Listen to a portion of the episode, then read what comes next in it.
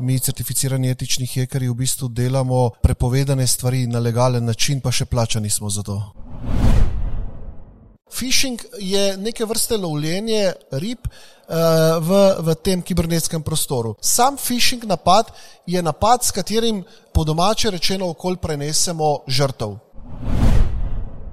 In če so tu noter še strežniki, to lahko pomeni samo eno, zaprt firmo za nekaj dni. Ti smo v trenutku ljudje pričakujejo, da jim boš rešil svet, ti pa ne moreš prav veliko pomagati. Ne puščajte slik, za katere ne želite, da so kjerkoli vidne.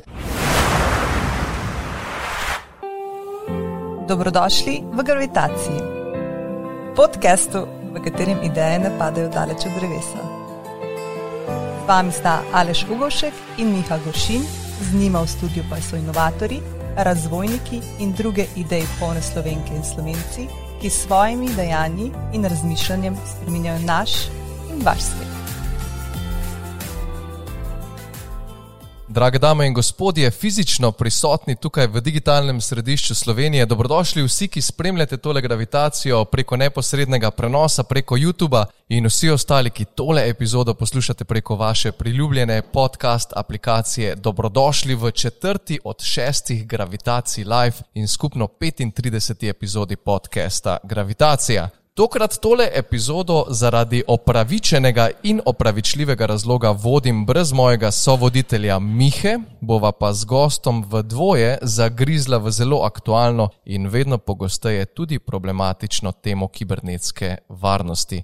Na podlagi konkretnih primerov bova predstavljala in reševala izzive na različnih področjih kibernetske varnosti, Čaka pa vas res zanimiv zaključek, ki pa ne bo kibernetsko obarvan, ampak bolj osebno povezan z gostom, ki je tokrat Dalibor Vukovič iz Telekoma Slovenije. Dalibor, pozdravljen, dobrodošel v gravitaciji.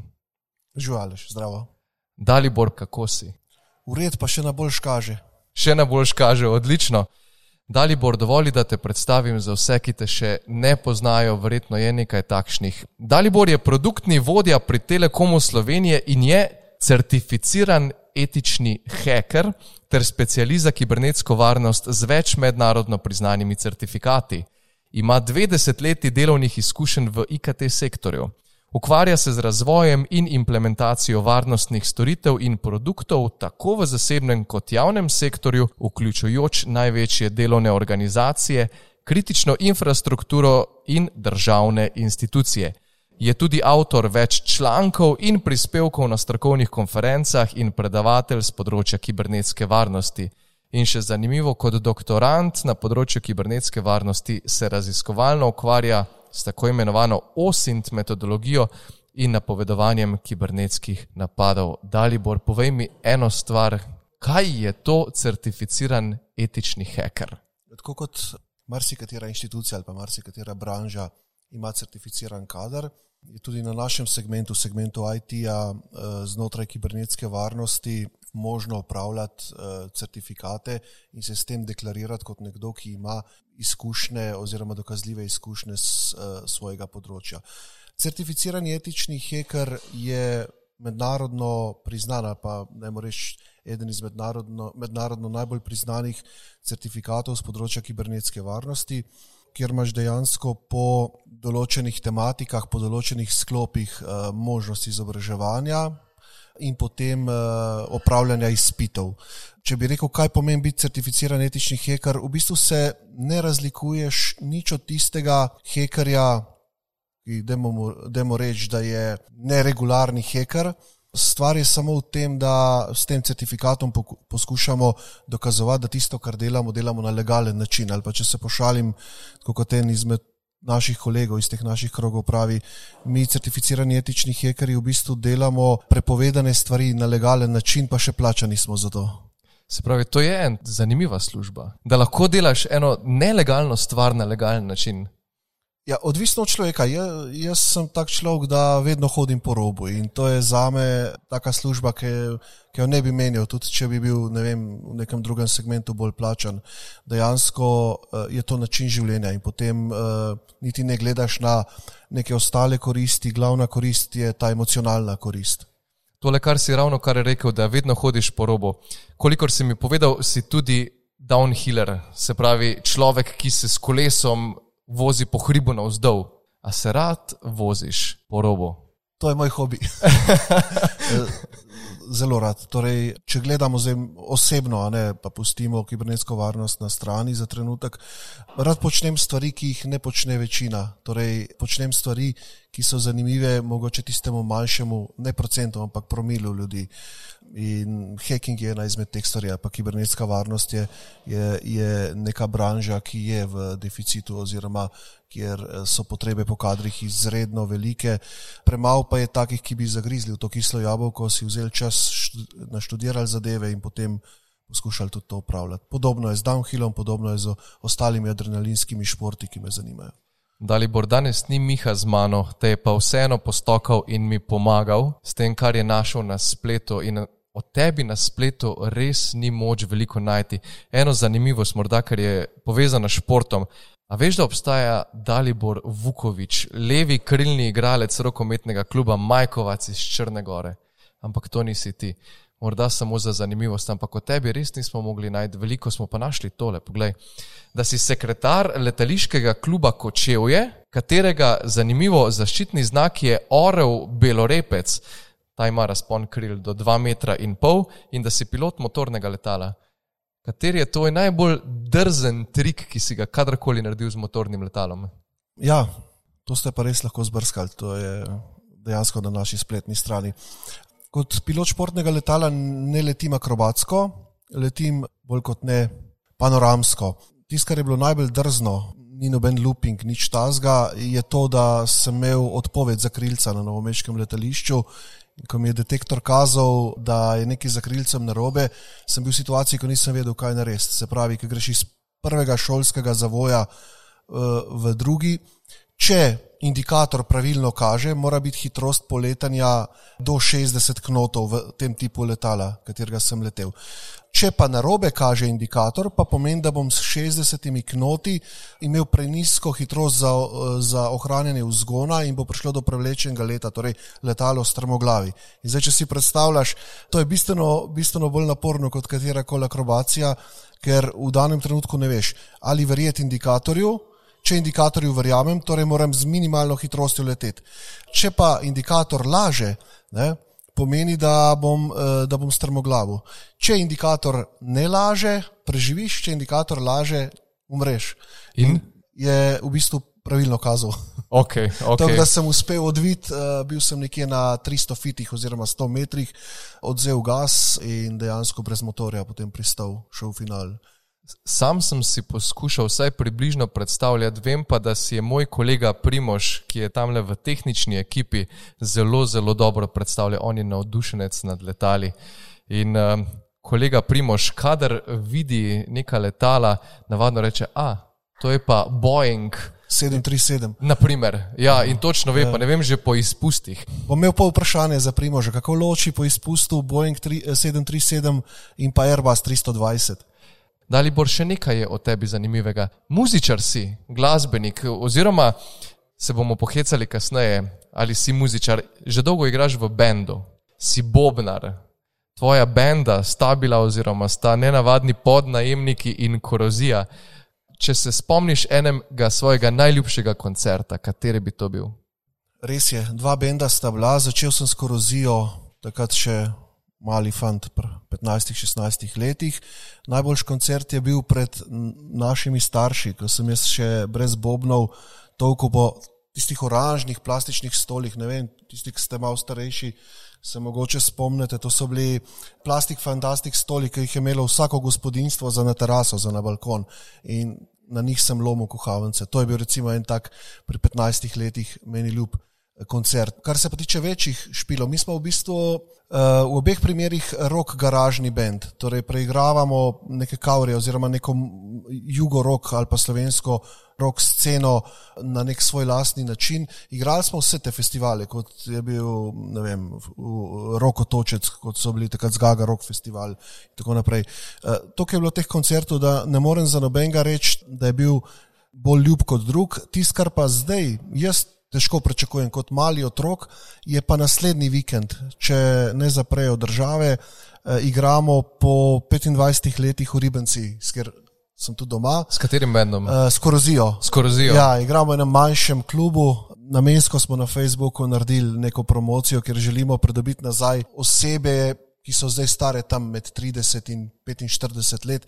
To so te osebe, s katerimi smo, smo se takrat družili in so to zdaj recimo neke formulirane družine, ki živijo posod po Sloveniji. In nekako to je zdaj moj glavni izziv in tu imam nek tist uh, fiber, rečejo Nemci, uh, ali pa en mali strah, kako se bo to speljalo, da ne bo od te velike želje po, po predstavitvi šlo kaj narobe, pa da ne bo kakšna piva preveč uh, zaradi treme, pa potem šlo kaj narobe. Tako da to mislim, da bo en mojih naj, meni najljubših koncertov, če bo uspel.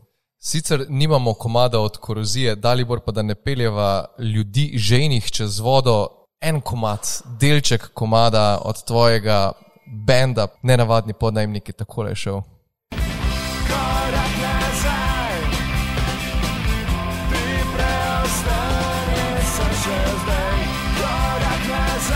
Korak nazaj, Dalibor, s tem ste prišli na televizijo. S tem smo bili eh, best of the best. Če si spremljal na nacionalni televiziji pred 20-25 leti, je bil ta komad pred Bigfoot Mamo. Torej, Bigfoot mama je bila druga pozicionirana, mi pa prvi.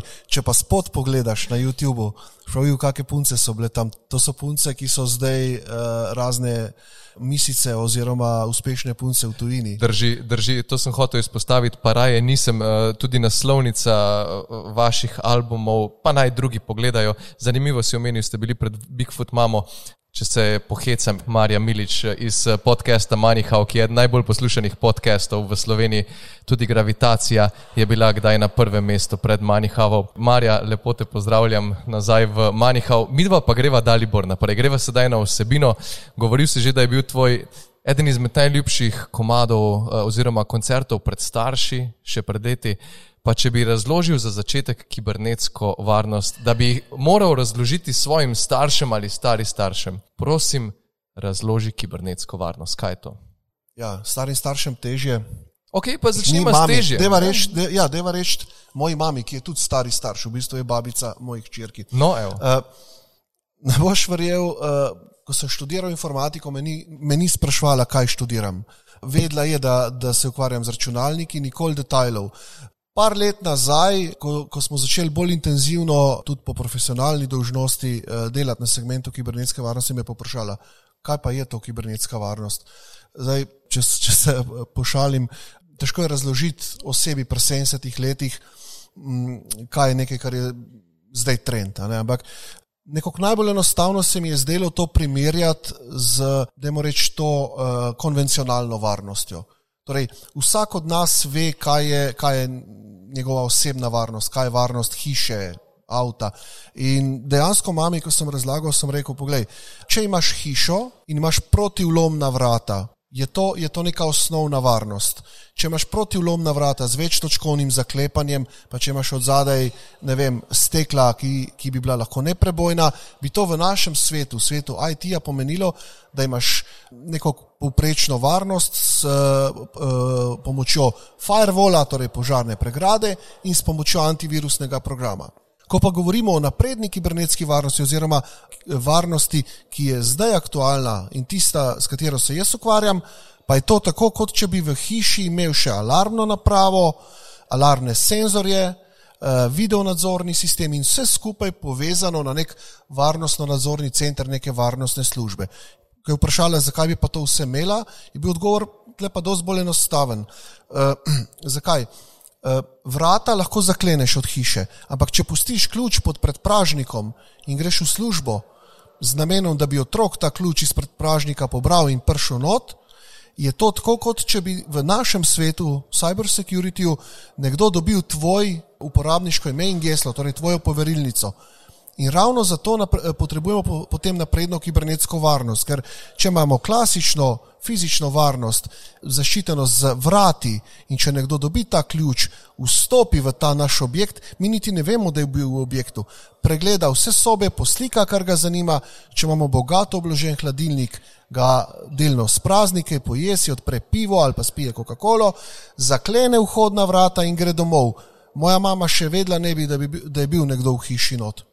In zato rabimo v kibernetskem prostoru sodobno kibernetsko varnost. Torej, tako kot smo znali zaščititi uh, fizično ljudi, jih moramo znati tudi v tem imaginarnem svetu ali pa v digitalnem svetu. Torej, čisto enostavno, to, kar se dogaja z varovanjem oseb v fizičnem svetu, smo prezrcal, prezrcalili v internet in tam varujemo firme pred krajo intelektualne lasnine, banke pred krajo denarnih sredstev, posameznike pred krajo identitete in vse skupaj potem zapakiramo na način, da tisti, da je reč, glavni fazi zaščitimo državo pred nekim nekonvencionalnim oziroma nekim, nekim uh, hibridnim napadom. Ampak to je samo na nivoju posameznika. Bistveno, bistveno večji problemi pa nastanejo potem, ko govorimo o kibernetskih udorih v podjetje. Res je. V proizvodno podjetje, naprimer. Imaš kakršen koli primer, na katerem bi lahko razložil, kako velik problem je, ko pride do kibernetskega udora v proizvodno podjetje? Kaj se takrat zgodi in zakaj pride do tega? Le bom ponovno poskušal biti čist plastičen oziroma ponazoriti na nekem življenjskem primeru. Če imaš v hiši protivlomna vrata, pa nimaš alarma ali video nadzornega sistema, se čudiš sosedom, kaj so dali alarm gor, zakaj ima ta video nadzor. Ali pa, vem, če slišiš, da so soseda Evropa, rečeš, ok, zdaj v našem naselju so šli čez, verjetno jaz ne bom naslednji. Identična stvar se nam dogaja ne iz tedna v teden, ampak iz dneva v dan. Sploh odkar delamo prek RDP-ja, torej remote desktop protokola, ko smo nekako v fazi, da večina ljudi dela od doma zaradi COVID ukrepov. Dejansko se nam vsak dan, mi ki smo operativno v tem, dogaja, da rešujemo take primere. In navest praktičen primer je najmanjši problem ta trenutek. Jaz sem prejšnji teden cel teden porabil v enem večjem slovenskem, da moramo reči, spada v kategorijo velikih slovenskih družb. Večino časa smo tam porabili za uh, reševanje situacije, ki je bila nerešljiva. Torej, ni bilo adekvatne zaščite. Ne? Kaj pomeni adekvatna zaščita? Že deset let ni zadosti, da ima, da ima firma požarno pregrado in eh, antivirusni program na končni postaji. To je nažalost premalo. In ko pride do kibernetskega napada tipa ransomware, v takem primeru so posledice katastrofalne. V tem primeru iz prejšnjega tedna klic je bil precej nervozen kot ponavadi, po noč se je zgodila, oziroma zgodilo se kriptiranje delovnih postaj v proizvodni, delovnih postaj v poslovnem delu. In ko govorimo, da ima, da ima družba 50% mašin kriptiranih in če so tu noter še strežniki, to lahko pomeni samo eno, zaprt firmo za nekaj dni. Ne glede na to, da firma naredi backup je vprašanje, je ta backup zdrav, ali je napadalec, ki je ransomware skripto integriral v sistem, to naredil že pred mesecem, dvemi, tremi in ali so ti backupi sploh zdravi. Tudi če so backupi zdravi, je veliko vprašanje, ali se kje na networku skripta skriva, miruje in ko bomo dvignili vse z backupa, potem eh, random štarta in ponovno vse zakriptira. Tako da ta primer, o katerem zdaj govorim, je primer eh, ne 100, 200, 300, 500 uslužbencev, od tega jih je več kot polovica bila skoraj cel teden doma, proizvodna je stala. Lahko si predstavljamo, torej ne gre za to, da bi odkupili ransomware, ki niti ne, ne moreš vedeti, ali boš, boš dobil dekripcijo ali ne boš dobil, ker včasih so bili tudi kriminalci, džentlmeni, pa se je to dalo odkupiti. Zdaj, ko lahko skript kidi kupi na Darknetu, PowerShell skripto tipa ransomware, niti ne veš, ali boš dobil dekriptirani ključ. Torej, če firma stoji 3-4 dni, pomeni, da uslužbencu je treba plačo plačati, da je treba plačati penale na firmam, ki kupujejo od tebe, dobavitelja je treba dati na stand-by, ker nimaš kam zalog zlagati in tako naprej. Skratka, tu so dejansko v vsakem primeru eh, milijonske izgube. No? Ravno to sem hotel vprašati, kakšne izgube so. Omenil si milijonske izgube. V kakšnem času pa rešiš ta problem? Zato, da niso te milijonske izgube več milijonske, več deset milijonske. Kako hitro se da rešiti ta problem? A to pomeni, da te pokličajo iz podjetja sredi noči, da rešiš zadevo ne vem, v nekaj urah? Tudi, tudi. zdaj, uh, tle, kjer sem jaz, torej v Telekomu Slovenije, lahko rečem, brez neke lažne skromnosti, imamo največji tim, ne samo v državi, ampak tudi v Adriatic regiji. To vem iz prve roke, ker delujemo tudi na, na področju Adriatic regije, imamo klijente na tem delu in delamo v bistvu vse, vse segmente kibernetske varnosti. Iz prakse ne, to pomeni, da ko govorimo o Cyber Incident Response timu, je to neka specia, eh, specialna ekipa, kot če bi rekli v vojski, smo specialci, ki smo na stand-byju in ko, ko dobiš klic, greš na teren. Torej, odzivni čas je mogoče uh, eno uro v Sloveniji. Klient eh, pokliče, ponavadi tak, ki nas pokliče, ni naš klient, ker če delamo napredno kibernetsko varnost, do takih incidentov ne prihaja. Bom mogoče kasneje tudi razložil, zakaj ne. Ampak ponavadi je tako, najdejo na internetu številko, pokličejo, rečejo, se nam je sistem, smo žrtev kibernetskega napada, pridite pomagati. Na podlagi prvih pol ure ugotovimo, tako kot na urgenci, zakaj gre, kaj bi lahko bilo, narediš nek ultrazvočni, da temu tako reči, posnetek in gre na teren ekipa, ki jo potrebuješ. Ponavadi je to varnostni inženir, vsaj en hacker, etični hacker, vsaj en uh, sistemc oziroma networkaš, potem pa oni trije vzpostavijo analizo, naredimo vulnerability test, ugotovimo, kje se je zgodilo, kaj se je zgodilo, kak je bil vzrok napada in na podlagi tega potem aktiviramo ostale člane. To je tista, da moramo reči, urgentna, proaktivna, proaktivna varnost, ki je najbolj zahtevna in tudi najbolj nehvaležna. Ker v tistem trenutku ljudje pričakujejo, da jim boš rešil svet, ti pa ne moreš prav veliko pomagati. Če nimajo adekvatnega backupa, ki je offline oziroma ki je nekje spravljen v sefu, je brez veze eh, karkoli delati. Postaviš lahko neko sliko, na podlagi katere se potem naprej odločiš. In dejansko pregovorno v vseh teh primerih je potem firma zaprta vsaj dan ali dva, če ne več. Omenil si, da je to proaktivna varnost. Omenil si pa tudi predtem, da se lahko temu izognemo, se pravi, neka prediktivna varnost. Kako se temu izognemo in kako pomembna je ta prediktivna varnost? Ja. Konec koncev, si ti kot etični hacker in kot doktorant na tem področju se ukvarja s prediktivno varnostjo. Ja. Pardon, uh, to, kar sem prej omenil, je bila reaktivna, reaktivno odreagiraš. Ja, če čisto poenostavim. Torej, vse, kar se nam zdaj zgodi, ali pa ko nas nekdo napade, je tako imenovana reaktivna varnost. Druga, druga faza je potem proaktivna varnost in tista tretja, ki zdaj počasi prihaja v obtok, je tako imenovana prediktivna varnost.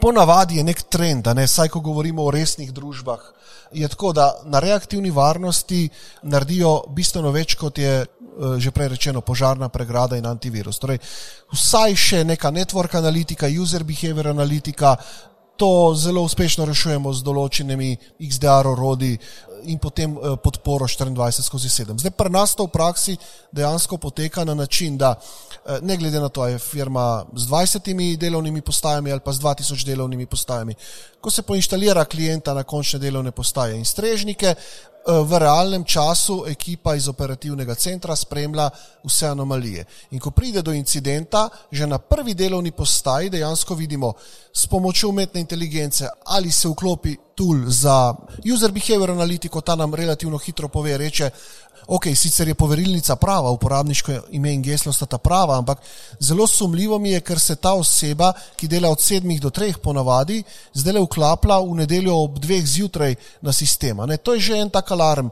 Drugi, še bolj pomemben alarm je, če, če ta oseba zaposlena v Sloveniji, pa je alarm iz eh, Bangladeša. Ne, takrat dejansko izoliramo delovno postajo. Potem je tu network uh, uh, del. Rečemo, če, če je nekdo že poskušal not vstopiti, da vidimo to skript kripto ali se premika, ki je okrog. Ne? In tako naprej. Skratka, ta reaktivni del s 24-7 podporo pomeni, da če gremo na, na hišo spet, če vam nekdo udre v hišo, se vklopi alarm in uh, v desetih minutah je varnostnik tam. Ne bo prav veliko odnesel. Eh, v našem primeru je zelo podobno. 3 do 4 minute ponovadi izvajamo postopek triaže, v 10 minutah je zadeva sanirana ali eh, izolirana delovna postaja ali obveščena dežurna ekipa našega klienta, ki potem zadeve naprej ureja. Ravno s to sodobno reaktivno varnostjo zelo uspešno preprečujemo 99% napadov. Torej, če si predstavljaš, firma, ki nima tega, je žrtev eh, nekega ransomvera in bo zaprta en teden Po drugi strani pa s tako zaščito dejansko pomagamo, pomagamo družbam, da v prvih petih minutah omejimo zadevo in potem pridejo drug dan v službo. 499 postaj normalno dela, ta 500 je pa potrebna sanacija ali brisanja nekega exeja, brisanja neke skripte ali v najslabšem primeru format pa na novo naložiti. Torej v pol ure tudi ta 500 mašina začne živeti. In to je ta sodobna reaktivna varnost. Če se ve, eh, navežem potem na to proaktivno in pa prediktivno, je proaktivna za razliko od reaktivne ta, ki nam že z nekimi parametri pomaga, da znamo predvideti nek napad oziroma znamo že, znamo že en del težav omejiti. Tu predvsem uvrščamo klasični tako imenovani threat intelligence, ker imamo orodja, že zadnjih deset let, pa določene zaprte skupine, ki si med sabo izmenjujemo informacije. V praksi bi pomenila proaktivna kibernetska varnost to, da če se pojavi nek ransomware ali pa, ali pa neka, neka backdoor ranljivost, to pride v medije, ne vem, pet dni po pojavi, mi pa tisti dan, ko se pojavi na Poljskem ali pa v, Izraelu ali pa v Ameriki, to že vemo in proaktivno, proaktivno odreagiramo na način, da eh, popečamo sisteme tam, kjer so potrebni. Sama prediktivna kibernetska varnost je pa veja te proaktivne, ki je pa zdaj v razvoju. In nekako v Sloveniji smo mi tisti pioniri, ki eh, orjemo ledino na tem področju. To je pa pa da me ne bojo poslušalci na robe razumeli. To je pa obveščevalna dejavnost, nek, nek, način, nek segment obveščevalne dejavnosti v kibernetskem prostoru. To so pa specialna urodja, specialni uh, frameworki, s tem se tudi uh, znanstveno ukvarjam. Orodja, ki, s pomočjo katerih znamo, znamo pravočasno preprečiti še bistveno več kot pa en sam udor. To bi pa v praksi pomenilo, da če imaš neko tako orodje, z njim indeksiraš po deep webu, ne samo po klasičnem webu, po dark webu, po večini tržnic, spletnih tržnic na darknetu, po zaprtih hekerskih skupinah, po raznih komunikacijah, kot je vem, Viber, Telegram, Signal in tako naprej. Podatke, podatke mečeš v en koš in na podlagi ontologije izvajaš operativno delovanje. To pomeni, če bi, če bi zdaj recimo gospodarsko zbornico Slovenije vzeli v to domeno, bi, bi ontološko uredili domeno gzs.si, jo vneseš v sistem. Potem e-mail konvencije afna eh, gzs.si, potem ontologijo tipa podjetništvo, sodobno podjetništvo, start-upi. In ko vse to vnesemo noter, dejansko indeksiramo v realnem času, kaj se dogaja. En tak praktičen primer bi bila banka. Če vzameš za primer katero koli slovensko ali tujo banko, noter v ontologijo vnesemo eh, recimo tisti korenski del številk od kartice. In če banka ponuja neko Mastercard eh, ali ne vem, kak, kako debetno kartico, ko te številke vnesemo v ta naš sistem, dejansko znamo prepoznavati v katerem koli dnevu dneva, ali je ta kartica bila zlorabljena in se kje preprodaja. Torej, nekdo plača neki v spletni trgovini s kartico. Če je heker uspel to kartico prestreči, jo je dal na neko zaprto tržnico eh, znotraj Darkneta, mi zadevo poindeksiramo in jo, eh, in jo imamo v sistemu.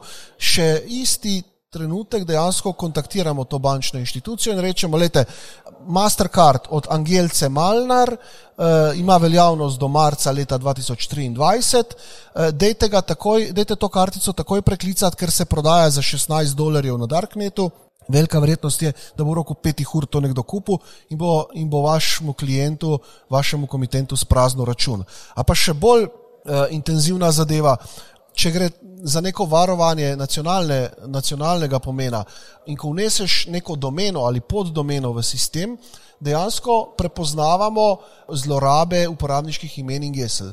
Torej, če za primer vzamemo nemško policijo, če so hekeri uspeli zhekati nekega nemškega policista, da imamo reči Ahim Miller, in če, njegov, eh, in če so mu uspeli pobrati uporabniško ime in geslo, ga mi v Darknetu ali pa v neki zaprti hekerski skupini zaznamo, dejansko obvestimo njihove organe pregona in oni uh, potem zaprejo ta račun, ker, ker v nasprotnem primeru z njegovo poverilnico imajo dostop do vseh podatkov, do katerih ta policist lahko dostopa.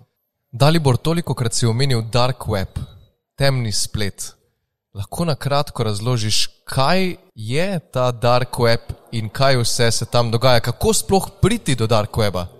To verjetno ja. ni dark Google. Ja, ni, ni, ni. Če so naši poslušalci, poslušalci z področja IT-ja, bodo verjetno zdaj se dolgočasili te dve minuti, pa ne glede na to, tisti, ki, ki mogoče niso segmenta IT-ja. Klasični internet, oziroma tisti, tisti klasični web, katerega poznamo vsi, to je prta mladih, Facebook, Instagram, uh, uh, Snapchat, pri malo starejših je to RTV, uh, rtvslo.com, 24ur.com, Google, Gmail in tako naprej. To je tisti klasični, klasični internet, katerega indeksirajo brskalniki in pa iskalniki tipa uh, Google ali. Ali podobni. Nažalost je tega spleta 10-15% in ne več. Ne. Pod njim je potem tako imenovani Deep Web, kjer se skrivajo razne akademske baze podatkov, zdravstvene baze podatkov, policijske baze podatkov. In tega je, tega je potem 30-40%. Tisti ostanek, najgloblji, je pa dark web oziroma darknet. To je pa tisti del spleta, kater ni, vsaj uradno, ne reguliran in kontroliran se strani organov pregona. Sicer se trudijo, ampak ne moreš ga prepoznavati. In ko nekdo vpraša, je, zakaj rabiš Darknet ali kaj dobim na Darknetu. Na Darknetu dobiš od prostitutke do poklicnega morilca, na Darknetu kupiš mamila, na Darknetu kupiš orožje. Če, če, gledamo, če gledamo primere z Darkneta, so to tisti primeri, ki, ki so ponavadi, ko so najdeni, najbolj zahtevni primeri. Primer iz Radovljice, prodaja uh, nakup orožja na Darknetu, potem je lahko to ne vem, uh, nakup nekega hekerskega napada, prej sem omenil skript, ki je.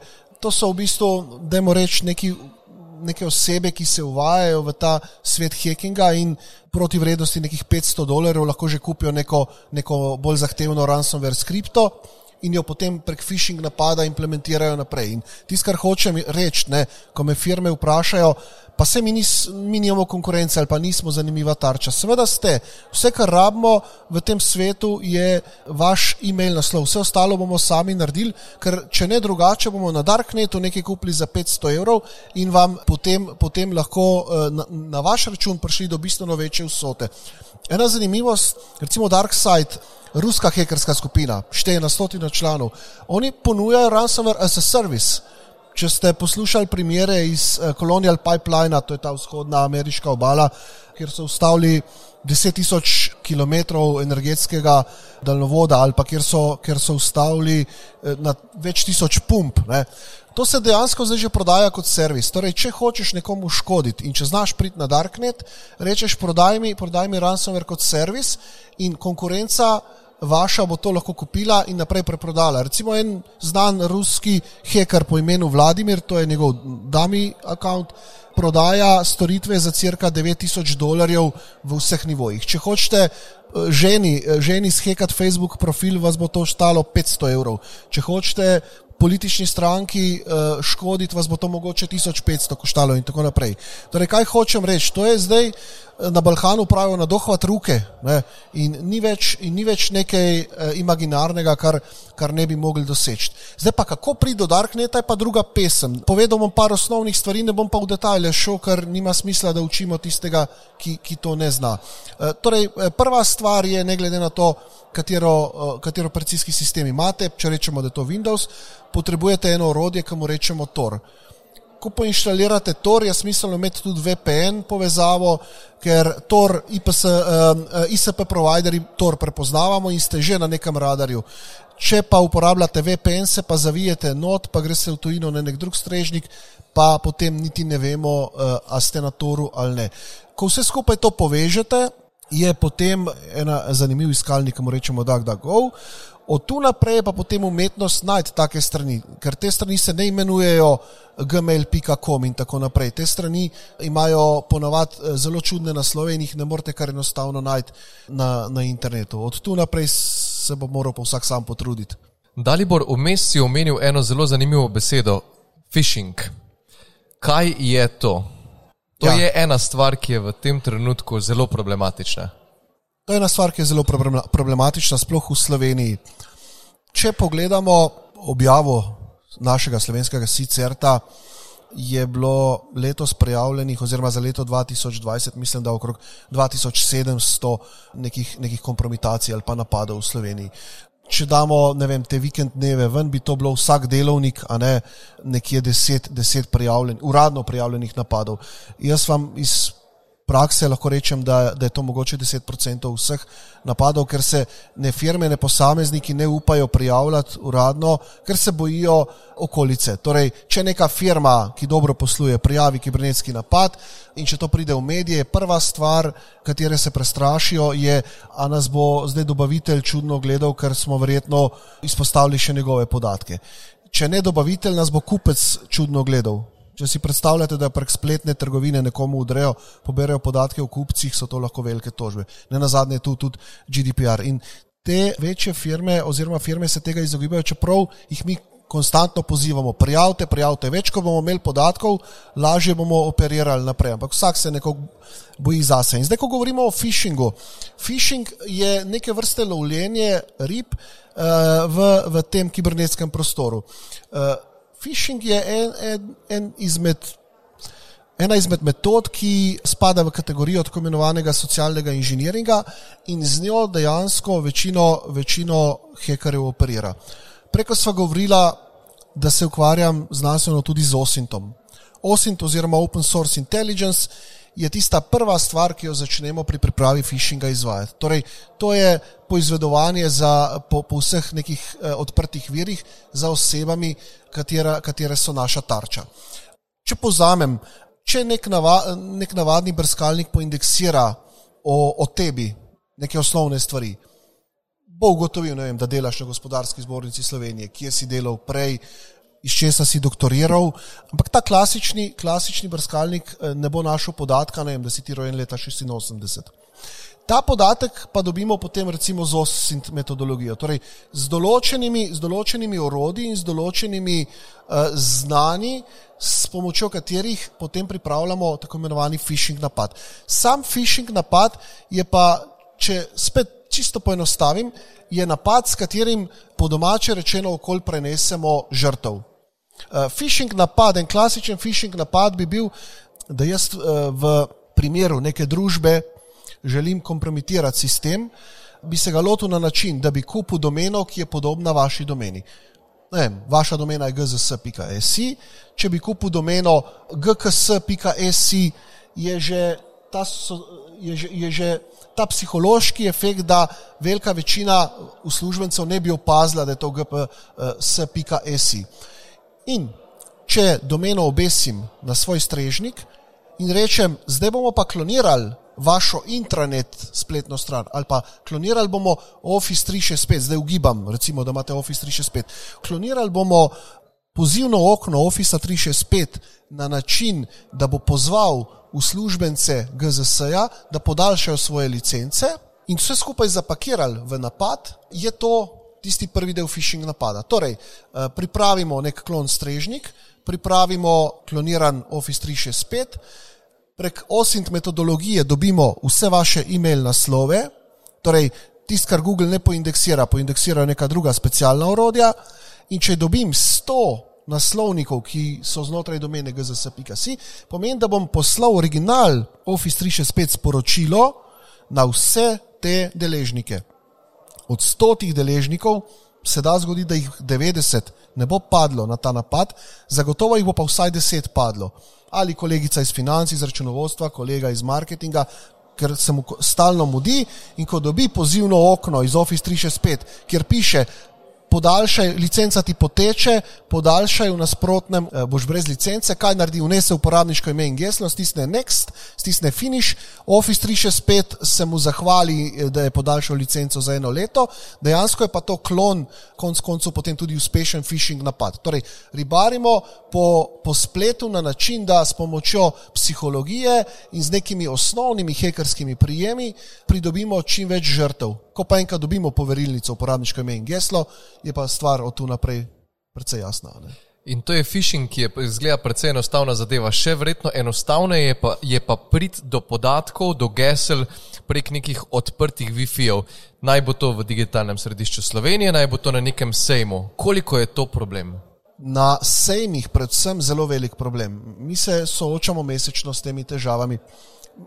Primer, ki sem ga jaz imel, recimo, ki sem ga operativno rešil, je bil primer enega štajerskega podjetja. Klicali so, da so bili udeleženi pri direktorski prevari in dejansko, ko smo šli izvajati forenzični pregled, torej digitalna forenzika je veja kibernetske varnosti, kjer s pomočjo določenih orodij in znanj ugotovimo, kaj se je dogajalo za nekaj časa nazaj.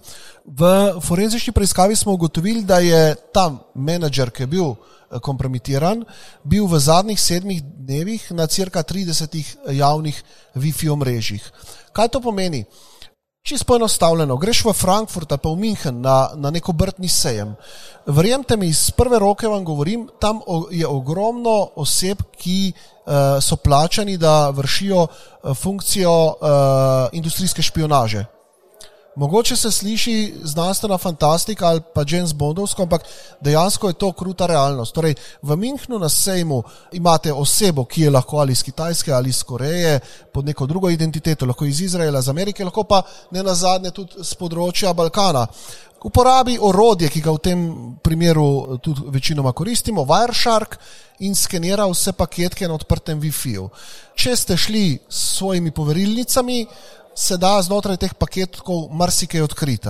Včasih rečejo, če je heširan, ne gre, gre, marsikaj gre, pa se mogoče o tem tudi v javnosti toliko ne govori. Skratka, obstajajo orodje kot je Wireshark, iz katerega na javnih Wi-Fi-jih dobimo ogromno enih podatkov, iz katerih potem lahko izkoristimo vašo ranljivost. In eh, v tem primeru tega gospoda, ki ga praktično navajam, se je zgodilo to, da je, da je na tem sejmu so prišli na ta način, prek odprtega Wi-Fi omrežja, do njegovega uporabniškega imena in gesla za Office 365 eh, account, ni imel dvojne autentikacije in uh, oseba je brala vse njegove maile. Nekaj časa je sledila eh, vsem njegovim mailom, potem pa v določenem trenutku uh, odprla PDF, ki je bil faktura. Enostavno ga že v Wordu odpremo, spremenila TRR na en škotski TRR, zapekla, poslala mail italijanom. Italijan ne bodi ga len, ne, oziroma eh, ravno nasprotno, ni se pozanimal, ni, pregled, ni pogledal, a, a gre za ležit eh, račun, je nakazal tri transakcije. In ko je zadnjo nakazal, je kontaktiral to osebo. Eh, in takrat je ta menedžer ugotovil, da v bistvu on sploh tega ni poslal. Iz tega je sledilo, k sreči smo, eh, naša ekipa oziroma Telekom Slovenije, tako kot slovenska policija, član Europola. In vse izsledke plasiramo naprej na Europol, potem pa je Europol tisti, ki eh, zadeve ureja naprej. Tako da smo v dveh dnevih uspeli ustaviti ta račun na škotskem, izračuna je šlo minimalno, mislim, da takrat okrog 30 tisoč evrov je šlo dol, glede na to, da jih je bilo 395 nakazanih je veliko večino denarja uh, žrtev direktorske prevare dobila nazaj. Ampak to želim reči, da ne, če povežemo, če povežemo uh, odprta Wi-Fi omrežja z uh, z ranljivostjo ljudi, je to precejšen problem. Mi dejansko menedžmentu ponavadi izvajamo namenske, tako imenovane obveščevalne briefinge, kjer jih učimo, kaj smejo, kaj ne smejo. Torej, če si ti top menedžer v nekem podjetju, večjem, kjer lahko pride do industrijske špionaže ali pa do kraja neke intelektualne lasnine, moraš poznati te osnove. Torej, eh, zagotovo na javnem Wi-Fi-ju se ne vklapljaš s svojim računalnikom, greš prek svojega privat hotspota. Korak naprej gremo še pri tistih firmah, ki so pripravljene investirati v specialno opremo dodatni routerčki, ki se vklopijo na laptop, gre za neke manjše komponente, kjer potem se vse promet pretaka preko routerja, na routerju so pa potem določene zaščite in se na tak način promet, promet zakrije. Tu so potem tudi zaščite raznih mobilnih naprav, e, fizične zaščite, ko ste v hotelu, kako zaščititi laptop, ko se tuširate, kako zaščititi, ne vem, da vas prek televizije, prek Androida nekdo ne snema in tako naprej. Ampak to so zgodbe mogoče za tri urno oddajo. Dalibor, da počasi pripeljem tale vsebinski del pogovora do konca, omenil si ranljivost ljudi. Koliko smo torej ljudje ranljivi in predvsem kakšne sledi puščamo na spletu? Se, to je naš major problem. Ne? Mi dejansko, jaz se trudim samo inicijativno. Uh, v šoli, kjer je učenka moja hči, sem predaval pa ne enkrat z namenom, da razložim, kako digitalno sled že otroci puščajo. In potem se to seveda manifestira skozi leta, starejši kot si, eh, več tega se nabere. Isto je potem v družbah, v firmah.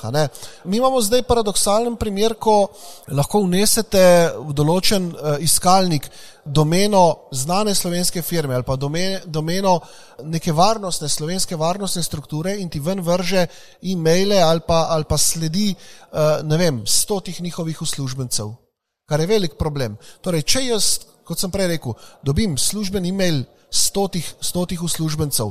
Imam dve možnosti, da se, da se lotim ene osebe, da preko nje vse speljem, ali pa da se lotim skupinsko, pa da rečemo, od teh stotih jih bo deset padlo. Kaj ponavadi poudarjam? Ne puščajte slik, za katere ne želite, da so kjerkoli vidne, nikjer. Torej, ne puščajte jih na Facebooku, ne puščajte jih ne na Viberu, ne nikjer, ker temu ne boste mogli slediti.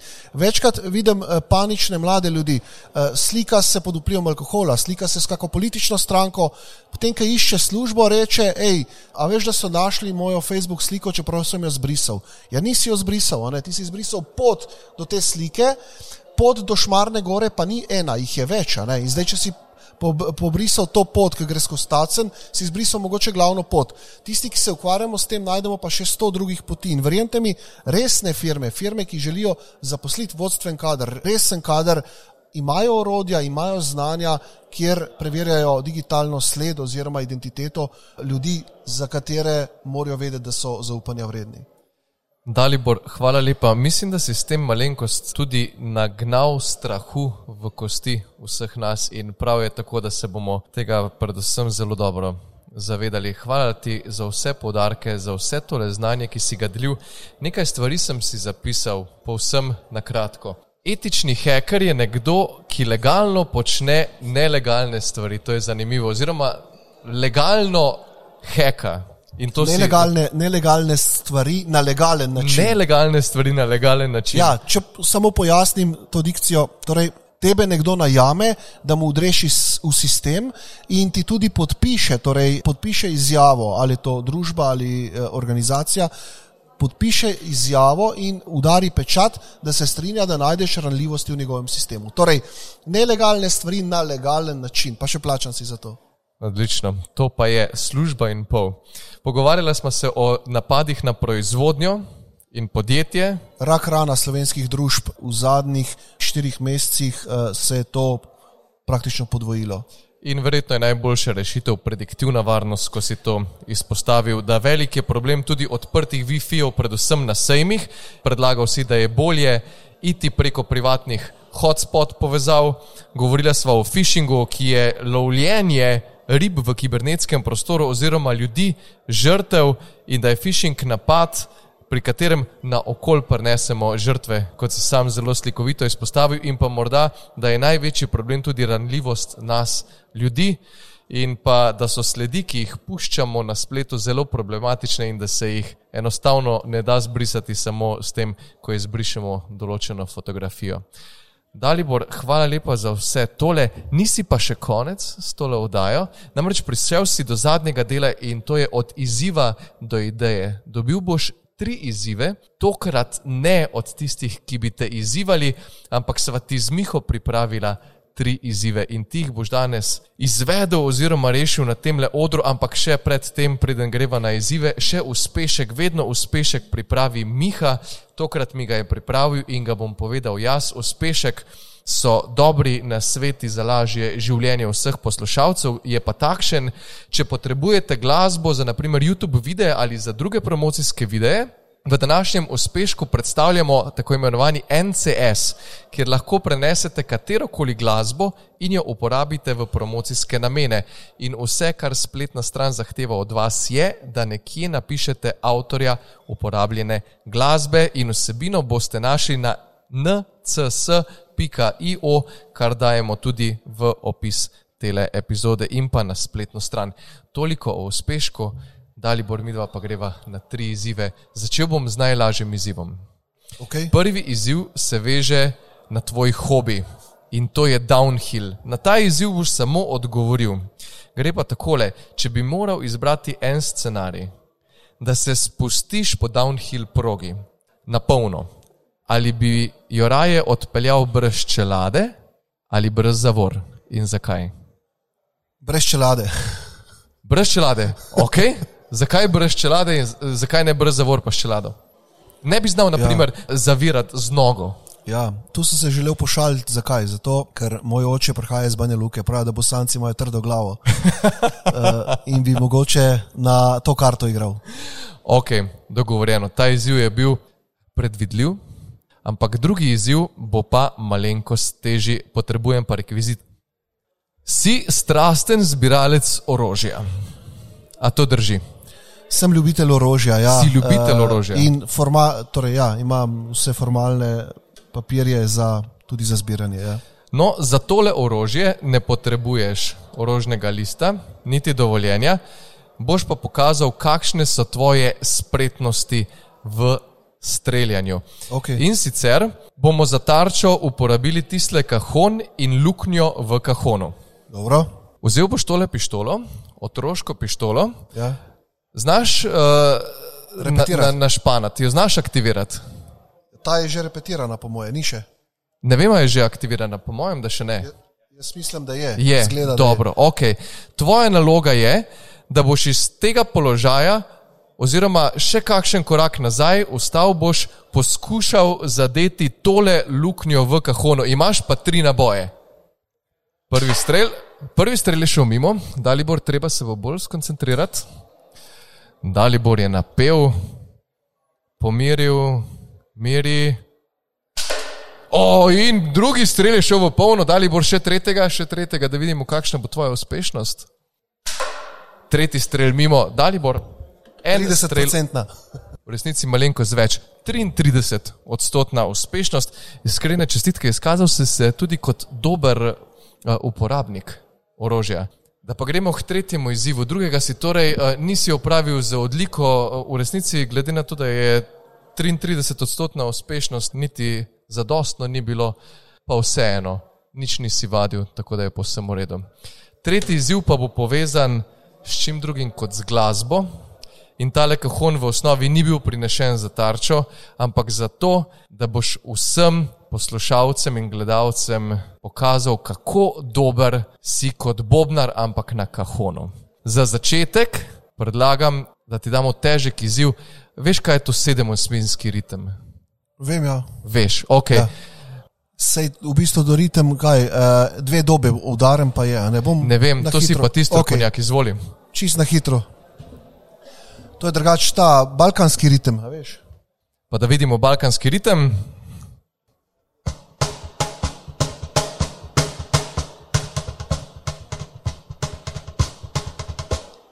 Dalibor, da še zakompliciramo celotno zadevo, ker si igral v bendu, bova skupaj odigrala en komat. In zdaj prej sem razmišljal, kjer komat bi lahko odigrala, in zato, ker sam nisem zelo dober muzičar, sem pa prenesel kitaro in kot gimnazic sem se naučil igrati kitaro, veš, v parku, za punce.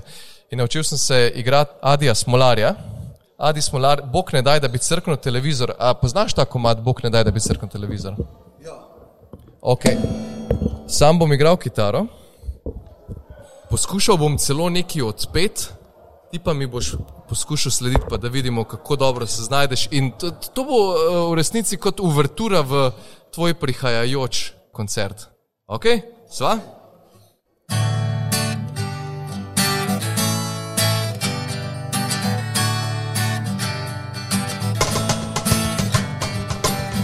Kadarkoli naša je družina zbrana, se razporedimo okoli TV ekrana. Pet nas je, vsi moči sedimo, gledamo program, nič ne govorimo, se nobena nobenega ne ozira. In zato ne pride do prepira, vsi smo svoje misli zatopljeni. Prav lepo, lepo smo tojeni, Bog ne daj, da bi crknil televizor, Bog ne daj. Bog ne daj, da bi crknil televizor, Bog ne daj. Ne daj, da bi crknil televizor, Bog ne daj. Bog ne daj, da bi crknil televizor, Bog ne daj. Odlično, Dalibor, evo, Evo, še tretji izziv opravljen. Ja, ne, to je bilo več kot z odliko. Mislim, da si naredil test. Test Hvala. za, za koncert, torej za reklamo na koncu. Kdaj je torej vaš koncert in kje? 30. oktober ob 8. zvečer, event kavarna v Ribnici. Vsi lepo povabljeni na tale koncert. Lepa hvala, Dalibor, za obisk in gostovanje v Gravitaciji. Hvala vsem, ki ste poslušali in zdržali v tejle res zanimivi epizodi podcasta Gravitacija do konca. Daliborja lahko ujamete preko e-mail naslova dalibor.vukovic.afna.telekom.si ali pa preko LinkedIn profila, če ga boste googlali, boste našli o njemu bore malo. Naslednja epizoda pa izide že čez dva tedna, v njej pa se bova o prenosu znanja iz Univerze v gospodarstvo z Mihom pogovarjala z rektorjem Univerze v Ljubljani, profesorjem dr. Gregorjem Majdičem in profesorjem dr. Blažem Zupanom, rednim profesorjem na Fakulteti za računalništvo in informatiko. Dalibor, vse dobro. Hvala za vabilo, pa lep pozdrav uh, slušateljem. In hvala vsem vam in lep pozdrav.